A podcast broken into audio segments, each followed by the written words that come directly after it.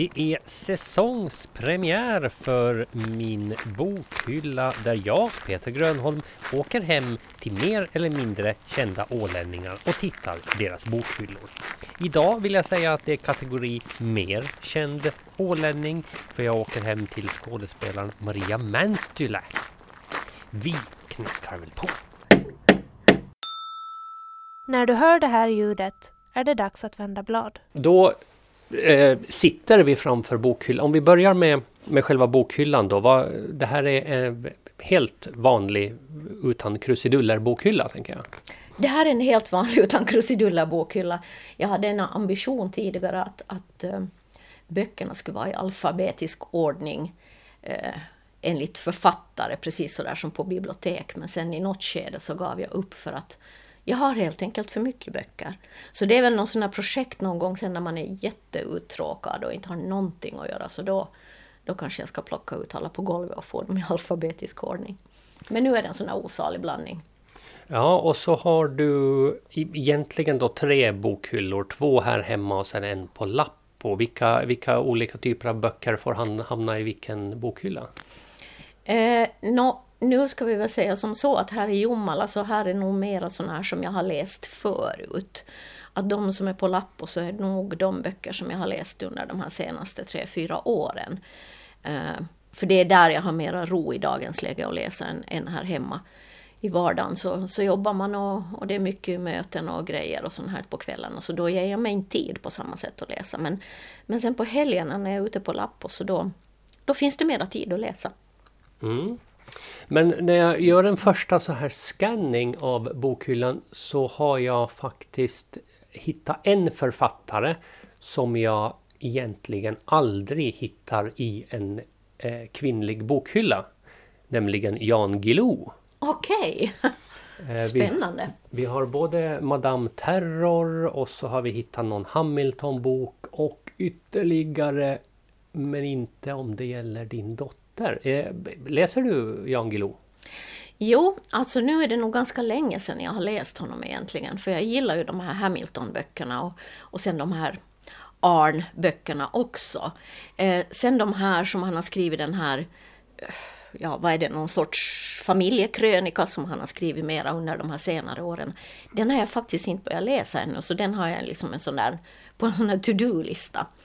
Men jag har alltid gillat action och thriller och sådär så att så därför, därför finns de nog i min bokhylla.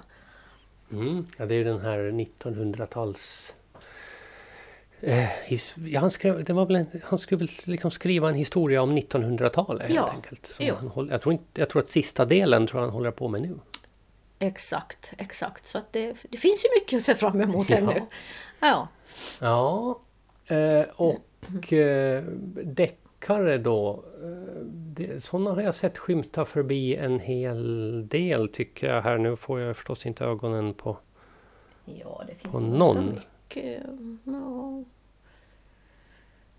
Vad ska vi hitta? Viveka Sten har vi där ja. till exempel. Och... Thomas Harris är inte så långt ifrån. Ja, nej, och det finns ja, allt möjligt. Mm. Mm. Men här har du då, det ser två bredvid varandra, både Hannibal och Rö Röda draken den. Mm. De är ju också i en serie, eller det kanske man inte kan kalla serie för han har väl skrivit en bok och sen har han, gick det så bra så skrev han en till och en till. Ja precis, så var det nog. Men de är ju bra på sitt sätt. ja, eh, åtminstone när Lammen tystnar då som, inte, som jag inte ser just nu så den, eh, det är väldigt läskiga böcker. Mm. Hur, hur är det när du läser? Liksom, sitter du under en filt nästan med kudden för ansiktet när det är läskigt? Och? Nej, jag, jag, tror att tyvärr så är det väl så att nu har man varit med så pass länge så man börjar bli ganska luttrad. Eh, visst finns det ju grejer som jag tycker också är väldigt truggiga som den här vad hette den nu då, 1793, den här Niklas dag och natt som kom ut för några år sedan. Där var ju beskrivningarna väldigt äckliga, så där var det nog sådär att man fick stiga upp och gå och dricka vatten eller någonting emellan. Men, men överlag så, jo, thrillers och deckare, de är ju väldigt grymma. Det handlar ju oftast om mord och våld mot människor och så här. Och det är ju helt, helt knäppt egentligen att man sitter och och frossar i, i mord. Men, men nåja, det är väl en underhållning det också i sig. Men, men överlag så jag sitter nog aldrig under någon filt eller någonting sånt här. Jag kommer ihåg när jag var yngre, när jag bodde hemma än, och så kommer jag ihåg, för jag har ju alltid läst. Böcker har ju alltid funnits i mitt liv. Och då kommer jag ihåg att mamma en gång hade jätteroligt åt mig, för jag, jag satt inne på mitt rum och läste en bok. Och mitt i allt så hon hade stått i dörröppningen och tittat på mig, för då, då var jag så inne i den här boken. Så då mitt i allt så började jag liksom, jag gick fram och, och tittade bakom gardinen, och jag tittade under sängen och sånt här. Så då var det antagligen någonting som var fruktansvärt läskigt då. Så hon stod där och skrattade för sig själv och tittade på min, mitt skådespeleri medan jag var inne i boken och kollade av att det inte fanns någon gubbe under sängen och sådär. Mm. Ja, men, men nu för tiden så behöver du inte kolla under sängen i alla fall efter en läskig bok. Nej, det gör jag nog inte. En författare som är lite, kanske har fått stämpeln lite för någon slags, eh, vad ska vi säga, ful litteratur, det är ju Sidney Sheldon. Mm. Men honom har du en eh, hel del av i alla fall. Nå precis, där, eh, det var ju någon gång på 80-talet som, som Sidney Sheldon var i ropet. Och, och då så köpte jag väl antagligen alla hans böcker för jag ser att jag har ganska många. Men det är väl lite sådär att i dagens läge så vet jag ju inte om jag skulle läsa Sidney Sheldon. Ens, ens boksmak så ändrar ju med åren och sådär. Men då på 80-talet så var det ju väldigt mycket Sidney Sheldon och ja, vad har vi mera då? Jeffrey Archer och ja, i och för sig, det var ju inte sådär. Men det fanns mycket såna här ja, lite sån här tantsnusk fanns det ju då också. Det var väldigt populärt. Shirley Conran och vad de nu alla hette. Nora Roberts och, och sånt här. Så det finns ganska mycket sånt. Men nu, nu tycker jag nog inte att jag är road av det. Jag vet inte. Eh, jag tror inte ens att jag skulle ha lust att läsa om de där böckerna. Men på 80-talet mm. så tyckte jag de var jättebra. Ja, men eh, på tal om tantsnusk då. Även om det inte hör till den genren så är inte steget superlångt till en modernare författare. Eh, Diana eh, Gabaldon. Mm. Som då har skrivit, nu måste jag tänka efter, den har ett namn den serien. Eh, jo, jösses vad heter den nu då? Den går ju som serie också. Jo. Um, mm. jag, jag, tror att Främlingen kanske var första boken. Exakt, exakt. Så var, det. så var det. Eh, men eh, där har du i alla fall Sjöfararna, Slända i bärnsten ser jag här i mitten. Jo, jag har dem nog alla de där, de där äldre varianterna. Sen kom det väl, sen kom det väl nyare eh, delar. Jag tror hon skrev vissa för ganska länge sedan och sen hade hon väl någon sorts paus och sen kom det nya.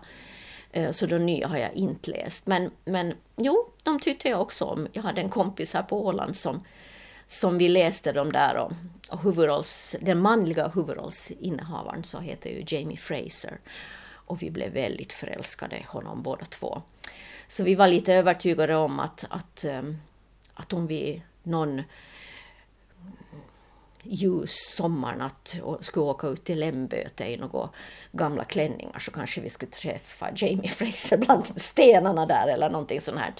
För det var ju lite så de träffades alltså. Mm. De här huvudrollsinnehavarna. Hon var ju från modern tid och han från, från gammal tid och så. Så träffades de sen då. Ja, det var väl någon, någon tidsportal i någon gammal ja. sån här henge. Tror jag Precis. Ja. Och det närmaste vi kunde komma på så att om vi åker ut till Lemböte och hittar mm. några stenar så kanske det funkar. Ja, Men det funkar inte. Det gjorde inte? Nej, Nej ingen, Nej. ingen tidsportal i Lemböte? Nix. Det kan ju vara bra att veta. Yes. Men ehm, då har vi redan nu hittat på ett par liksom, eh, serier med böcker.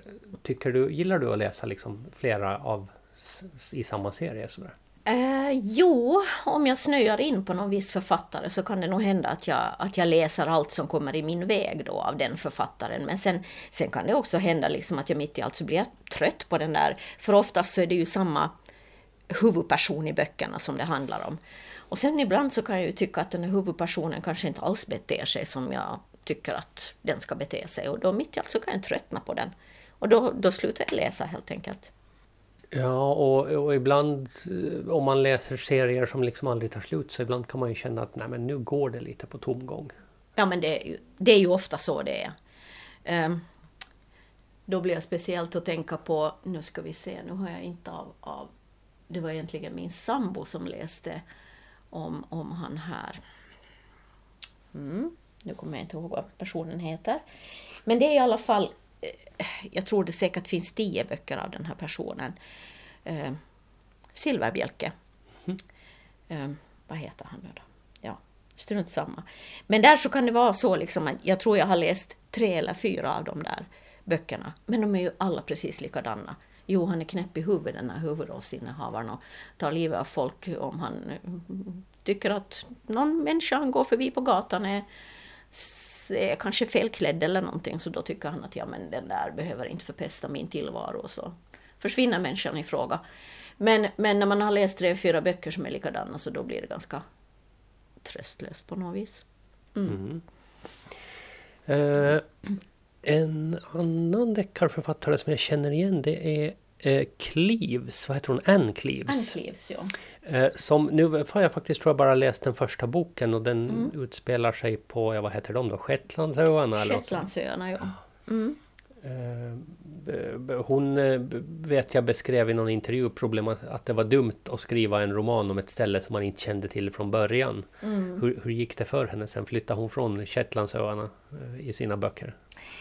Eh, hon flyttar väl, hon börjar ju skriva om något annat också, men, men just de här om Shetlandsöarna så tycker jag väldigt mycket om.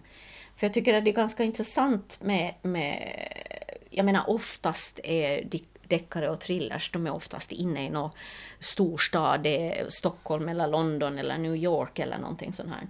Och när de är förlagda på något lite udda ställen så blir de ju mycket mer intressanta, tycker jag i alla fall. Eh, så de här Shetlandsgrejerna, och där måste jag ju faktiskt säga att jag gillar serierna också. Det, det har ju gjorts tv-serier. Ja. Eh, för oftast så kan jag tycka att, att har jag läst en bok och ser en film eller serie som baserar sig på någon bok som jag har tyckt jättemycket om, så är det, det är ganska ofta jag inte gillar den där liksom tv-versionen. Men det här, de, de gillar jag faktiskt. Ja. Men det brukar jag fundera just med den här eh, Främlingböckerna, den utspelar sig ju på, ja, kanske 1700-tal. 1700-tal, någonting sånt. Eh, och sen eh, den här Anne Cleves då på Shetlandsöarna. Tror du att man har en så här förhöjd behållning av böcker som utspelar sig i gammal tid och eller på öar när man bor på Åland? Intressant fråga. Mm. Ja, jo säkert. Man, man kan ju... Ja, man kan förlika sig med saker på ett annat sätt tror jag om man själv bor på en ö. Då förstår man ju den där ö-mentaliteten som kanske kan vara lite annorlunda än på andra ställen. Det här att man är trots allt isolerad, man kommer inte härifrån sådär bara. Du måste sätta dig på en båt eller ett flyg för att komma härifrån. Det är inte bara att sätta sig i bilen och åka iväg. Så jo, säkert. Ja, mm. jag, jag, kan, min egen hobbyanalys av just det här med 1700-talet är att mm. det ligger ju betydligt närmare för de flesta ålänningar att liksom måste hugga ved och hämta in vatten. Jo. Än, än vad jag inne, in, tror att en, liksom en stockholmare har. Ja, men så är det ju. Så är det ju. Det är mera vår realitet än, än deras. Du lyssnar på Min bokhylla med Maria Mäntyle lite här och var så sticker det ut små böcker små udda fåglar av böcker. Mm. Bland annat Mötley Crües, den här mycket uppskrivna biografin The Dirt dyker upp. Mm. Vad, vad har vi att säga om den? ja, eh, jag gillar ju också att läsa eh, biografier och memoarer. Och, och då kan det vara liksom kul. Motley Crue har aldrig varit någon sån här jättestor favorit hos mig. Men jag kan fascineras över deras levnadsstil. Och, och då kan det vara kul att läsa hur de har levt sitt liv. Eh, precis som många andra såna här biografier eller memoarer som, som, som jag har någonstans. Så är det ju lite spännande alltid att få, få läsa om hur andra människor lever. För det kan vara så helt annorlunda mot ens eget liv. Och vem vill inte läsa om rock'n'roll-liv? Ja, jag tänker, nu, nu vet jag inte hur, hur ni i skådespelarbranschen lever, men jag tänker att Mötley Crües liv sticker ut och skiljer sig från de flesta andras liv. Ja, det, jag tror nog de har levt ett lite hårdare liv än vad vi har levt. Ja, men ska vi ta oss till nästa bokhylla då och se vad vi, vad vi hittar där? Eh, och det här då, som jag förstår det, det, det här är böcker som är mera, eh, vad ska vi säga, den lite äldre smaken som du kanske inte läser så mycket längre.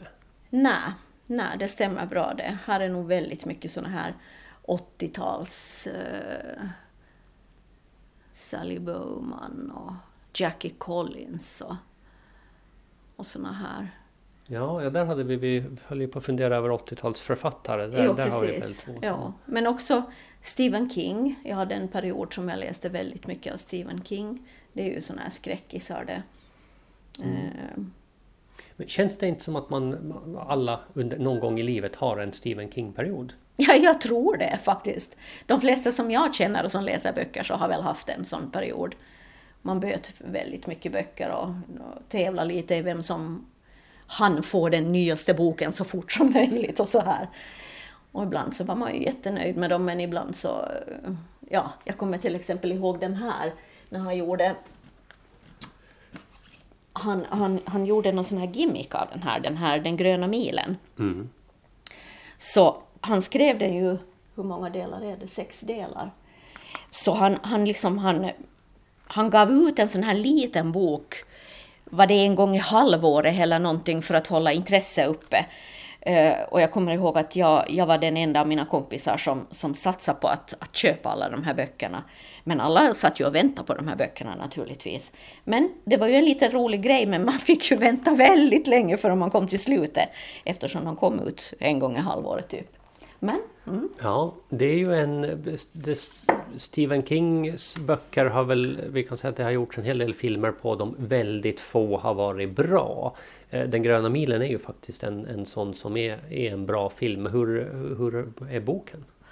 Eh, boken var också helt okej. Nu, nu är det ju så fruktansvärt länge sedan jag läste de här. Men jag kommer ihåg att, att jag egentligen också tyckte att, att filmen var bättre, faktiskt på något vis.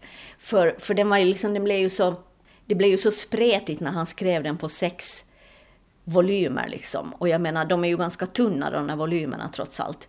Så, ja, filmen var nog egentligen bättre. Ja. Mm.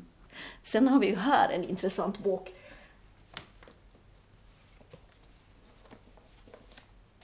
Mm. Jag var Ingmar Bergmans hushållerska. Anita Haglöf som, som var hans hus, hushållerska under många år. Jag har ju alltid haft en fäbless för Ingmar Bergman. Jag har alltid gillat honom fast han är ju nu en sån här Ja, mm, han har ju inte varit så hygglig alla gånger med folk han heller. Men, men jag har alltid gillat hans filmer och så här så jag, jag har också läst hans böcker och så. Så den här fick jag i julklapp eller födelsedagspresent här för något år sedan. Och den var ju lite spännande. Det är kanske... mm, Han ramlar ju ner lite från sin piedestal när man läser en sån här bok förstås. Ja. Men, men, eh, mm, men intressant. Ja, men kan inte det vara lite så här, tänker jag, nästan skräckblandad förtjusning då? Om man har någon som man tycker väldigt mycket om, men man anar att... Eller med Ingmar Bergman så kanske mer anar man att han inte var så där vansinnigt hygglig, men att man nästan hell, att man inte vill läsa, tänker jag, för man vill inte veta. Mm, jo, dels så är det ju lite så. Förstås har man ju hört genom åren och läst och, och sett liksom att han är, han, är lite, han är lite problematisk som person. Men, men jag tycker det han gjorde som regissör var så fantastiskt. Liksom. Så han, han kommer undan där i min värld. Ja. Jo, men vi, vi pratade, pratade innan, innan programmet började om att du, du samlar böcker på hög så här som du, de här ska jag läsa och ska jag läsa. Men sen fanns det förbi den bokhögen så fanns det en smitfil. Mm, det finns ju alltid det för att jag, som sagt, jag är den personen, jag måste ju äga böckerna. Jag, jag, det är väldigt sällan jag lånar böcker. Jag kan inte ens komma ihåg när jag senast skulle ha lånat en bok. Jo, kanske av någon kompis och så. Men inte på bibliotek, även om jag älskar bibliotek. Eh, men sen kommer det ju alltid ut nu och då, liksom jag bevakar ganska mycket. Jag har Adlibris, jag köper väldigt mycket därifrån och sådär då. Och så mitt i allt så ser man att wow, nu kommer det en ny bok av den och den liksom. Och så kanske jag har en bok som jag egentligen har tänkt läsa. Men så dimper den ju ner den där nya boken i postlådan. Och så står jag där och tummar på den och tänker att ja, ja, nej, men jag tar väl den då. Och så lägger, den där, lägger jag undan den där andra boken. Så det, det kan gå sådär jättelänge. Jag har en bok som, som, ja, jag vet inte hur länge den har varit med. Det är, det är Jörn Donners Mammuten. Ja, och det där var verkligen en... Eh, Den är ju ganska mammutbok, ja. Ja, För verkligen. den är ju över tusen sidor. Och eh, Jörn Donner är också en sån här person som jag alltid har, har beundrat, så jag tycker det var jättetråkigt att han gick bort här alldeles nyligen. Och den här har jag ju tänkt läsa hur många gånger som helst och jag har ägt den väldigt länge. Men det är alltid någon i smitfilen som hamnar före. Men kanske jag borde ta, i, ta itu med den här nu då när han har gått bort. Så jag Ja. Har en liten sån här Jörn Donner Jag, jag tänker Jörn Donner är inte en sån som hade accepterat och blivit omkörd. Nej, det hade han definitivt. Han, han skulle nog ha varit skitsur om han skulle ha hört att jag har ratat hans bok hundra gånger. Så att eh, jag kanske måste till minne av Jörn Donner läsa den här nu. Ja, och det kan man ju se när den är så här tjock. Om man tittar på till exempel Diana Gabaldon som vi pratade om. Första boken i serien, den är ganska liksom kort och koncist. Sen sålde den så bra så att hon får mera utrymme och är redan bok tre så är vi över tusen sidor. Så är det. Eh, här kan vi väl förmoda att kanske Jörn Donner också är en sån som att ingen liksom förläggare skulle eh, komma på tanken och säga det här får du skala bort för det här är inte intressant. Nej, inte när det handlar om Jörn Donner. Jag tror nog han alltid har fått sin vilja igenom på ett sätt eller annat. Men, men hur, mycket, hur mycket böcker liksom köper du? Om, om du tänker dig i någon slags ratio mot hur mycket du hinner läsa? Är det så här att det sakta bara fylls på och fylls på eller hinner du lite beta av? Nå, tyvärr så, så köper jag ju nog mer än jag hinner läsa om vi säger så. Men, men jag kan ju inte, jag kan ju inte, ja, eh, det är som ett behov. Jag bara ser någon bok som, som verkar jätteintressant och, och sådär och så måste jag bara äga den. Man kan ju lägga pengar på sämre saker också anser jag. Men eh, som nu när vi, när vi spelar in det här, då är det bokrea. Är, är du då en som liksom är först i kön eller är du lite mer som jag att du måste hålla dig därifrån för det är för farligt? Det är nog både och i och för sig. Nu i år så, så var jag faktiskt dit på morgonen där vid klockan sju. Eh, Jag hör också till de här som har varit då när, när eh, Lisko hade börjat boka redan klockan tolv på natten. Så många år var jag där. Men jag har väl Precis som du säger så inser jag att jag borde hålla mig därifrån för jag lyckas ju alltid komma ut med en kass. Och nu var det egentligen så att jag skulle dit och köpa en bok för en kompis räkning som bor på, på Lappo. Men, eh, och jag skulle ju bara köpa en bok. Mm. Men jag kom ut med sju åt mig själv också. Så att. Sen är det ju så här när det blir bokrea, jag är väldigt förtjust i kokböcker också. Det är ju inte bara liksom såna här romaner och sånt, utan jag har mycket kokböcker och, och annat sånt här troligt som man kan tycka att oj, men det där kanske jag behöver. Så, så kokböcker är alltid trevligt att köpa på bokrea tycker jag, för att de är ju ganska dyra annars och sådär. Och, och så. Ja. Sen hade vi, vi hade ytterligare tror jag fyra eller fem böcker som hade eh, tagit sig ut ur bokhyllan. Då tänker vi att det här är, är något som vi ska nämna lite eh, extra. Vi har eh, Sara, Sarah Omar, Sara Omar Dödstvätterskan. Jo, den här läste jag ganska nyligen eh, och tyckte den var väldigt bra. Den här handlar ju om hederskultur kan man säga. Eh, Jag har alltid varit lite fascinerad av det. Jag, jag gillar ju historia och andra kulturer och så här. Och det är när det är så långt ifrån ens eget liv på något vis. Och jag tycker det är så grymt alla kvinnor som, som utsätts för allting bara för att man går felklädd eller tänker annorlunda eller någonting och så här. Och så, så är liksom släkten och vanäras då av, av att du är oliktänkare eller klär dig annorlunda eller ja. Så den här, den här gillar jag väldigt mycket, även om de är alltid tragiska och sorgliga att, läsa. Men en bra bok. Vi har ju nämnt en del eh, tv-serier och filmer som, som har sp- sprung, sprungna ur din bokhylla. Margaret Atwood är väl en sån då, Gildeas döttrar? Yes. Eh, Den serien tycker jag jättemycket om, alltså då A Handmaid's Tale, tjänarinnas bekännelse eller vad den heter på svenska. Och så kom hon ju ut här då med, när, när serien var slut så att säga, så kom hon ut med en bok som Ja, det, det, det är både före och efter serien. Så man får en viss sorts förklaring och ett slut på det hela på något vis. Så har man gillat serien så, så ska man absolut läsa den tycker jag, för då får du liksom lite mera... För det är ju ofta så där när, när serier tar slut så blir det ju liksom så mycket frågetecken hängande i luften och man undrar att hur, hur gick det egentligen med henne då? Hur gick det? Och den här så, så får man liksom ett litet svar på i alla fall hur det gick. Mm. Mm. Det är lite som, som i tiderna då eftersom vi har nämnt den eh, Jan Guillous eh, Hamilton-serie. Där släppte han ju en ganska kort bok med, med liksom closure hur det gick. Precis, den kommer jag ihåg att jag köpte också för jag ville ju så våldsamt gärna veta hur det skulle gå. Eh, sen har vi Katarina Frostenson. Då är vi, hon är med i Svenska Akademin om jag inte missminner mig. Ja, eller, eller var, var. Jag, var jo, jo. No, det var ju lite intressant allt det här som, som eh, när metoo kom. Mm. Och hon var ju, eller är ju gift med den så kallade kulturprofilen.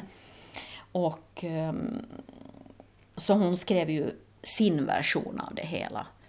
Eh, hur hon uppfattar den här så kallade klappjakten på hennes man då. Men den är, den är väldigt speciell. Det märks ju att hon är en poet eh, när hon skriver den här boken, för den är ju, upplägget är ju väldigt annorlunda. Men, men samtidigt så, så glorifierar ju hon sin man och ser inte att han har gjort något fel. Så den är ju intressant att läsa så om man har följt med mm. det som har varit i media om, om den här kulturprofilen. Ja, det hade kanske varit intressantare. Jag tänker på Ebba Witt-Brattström så skrev ju en bok eh, efter att hon skilde sig från Horace. Mm. Där det, hon kanske inte skrädde på orden eller, eller linda in så där hemskt mycket. Det, det kanske är det man hade hoppats att Katarina Frostenson ska skilja sig så man får läsa den andra, del två i, serie, i bokserien då. Vi får hoppas att det blir så. eh, och så Emily Käpp, Vita mm. spår. Mm. Den här är ju egentligen den andra boken men, men jag hittar inte den första boken nu. Eh, men Emily Schepp gillar jag jättemycket om man vill läsa bra thrillers, så då ska man läsa henne.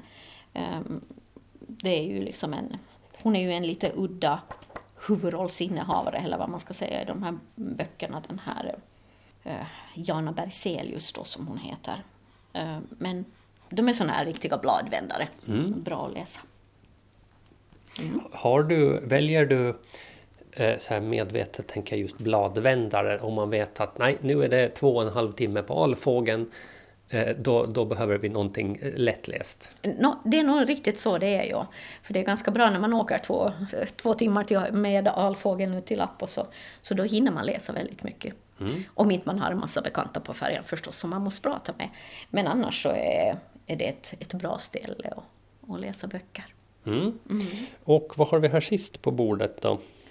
Uh, äh, det var, en, det var ingen riktig bok. Det, här, det var ingen riktig bok. Det, var, det, det, ser ut som en bok och sen var det bara en, ett lönnfack med fjärrkontrollerna i. Mm. Det har man alltid misstänkt att, att fjärrkontroller hamnar i ett lönnfack någonstans. Precis. Ninna, ninna, ninna, ninna, ninna, ninna. Boktips nummer ett. Eh, Giganternas fall av Ken Follett som är egentligen den första delen i en bokserie som, som Ken Follett skriver om. Um, ja, vad ska vi säga? Det, det handlar om fyra familjer, släkter var, vars levnadsöden vävs in i varann. Men samtidigt så, så drar han ju in hela världshistorien i de här böckerna. Så att, så att de som det handlar om så kanske kan ha jobbat för Kennedy eller någonting sånt här. Så, så det är ju liksom alla de här världskrigen som, som vävs in i böckerna och, och de är väldigt tjocka, det är många sidor, men de är väldigt bra. Jag gillar de här. Så, så gillar man historia och, och så, så ska man absolut läsa de här, för de är väldigt trovärdiga eftersom ja, de baserar sig ändå på verkliga händelser. Boktips nummer två. De hängda hundarna av Jens Henrik Jensen, som är den första delen i Oxen-serien. Det här var en, en, en sån här deckar-thrillerserie som, som jag kom över här i fjol. Det var en kompis som tipsade mig om de här och sa att de var väldigt bra. Och det tycker jag också. De är också ganska tjocka de här böckerna.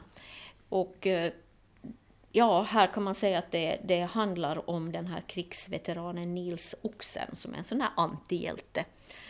Lite lätt alkoholiserad, utstött i samhället men är behängd med medalj efter medalj för alla sina, sina fantastiska gärningar han gjort i det militära. Då. Och, eh, och sen är det ju en stor konspirationsteori som, som genomsyrar alla de här böckerna. Då. Eh, som man får följa med och se hur det utvecklas. Det är lite sådär att hugger man av huvudet på draken så växer det ut två nya huvuden. Så det, det är riktiga bladvändare det här. Mm. Jag rekommenderar varmt. Och boktips nummer tre. Klubben av Matilda Gustafsson. Som, um, hon fick ju faktiskt pris för den här uh, stora journalistpriset fick hon. Um, där hon skriver om den här kulturprofilen, Jean-Claude Arnault. Och uh, hela det här med Svenska Akademin och, och hur allt har gått till. Här är mycket såna här vittnesskildringar, kvinnor som berättar hur de har blivit utsatta eh, av honom. Och, och mycket också förstås om, om, om det här forum, den här klubben som han och Katarina Frostenson drev tillsammans, som ju blev ett sånt här ställe för alla intellektuella och belästa, och speciellt de här från Svenska Akademin. En massa gubbslem, skulle jag säga, som, som har samlats på samma ställe och, och har satt varandra på piedestal och höjer varandra till, eh, till skyarna och är så intellektuella så att de inte riktigt vet hur intellektuella de är. Så man blir lite förbannad när man läser den här boken, men, men jag har bara kommit halvvägs ännu.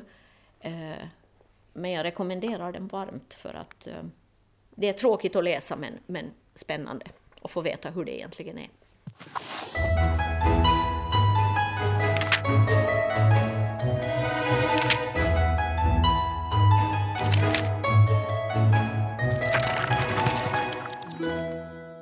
Du har lyssnat på Min bokhylla med mig Peter Grönholm och dagens gäst Maria Mäntylä. Alla avsnitt finns på vår hemsida www.alandsradio.ax om du klickar dig fram till podcasts.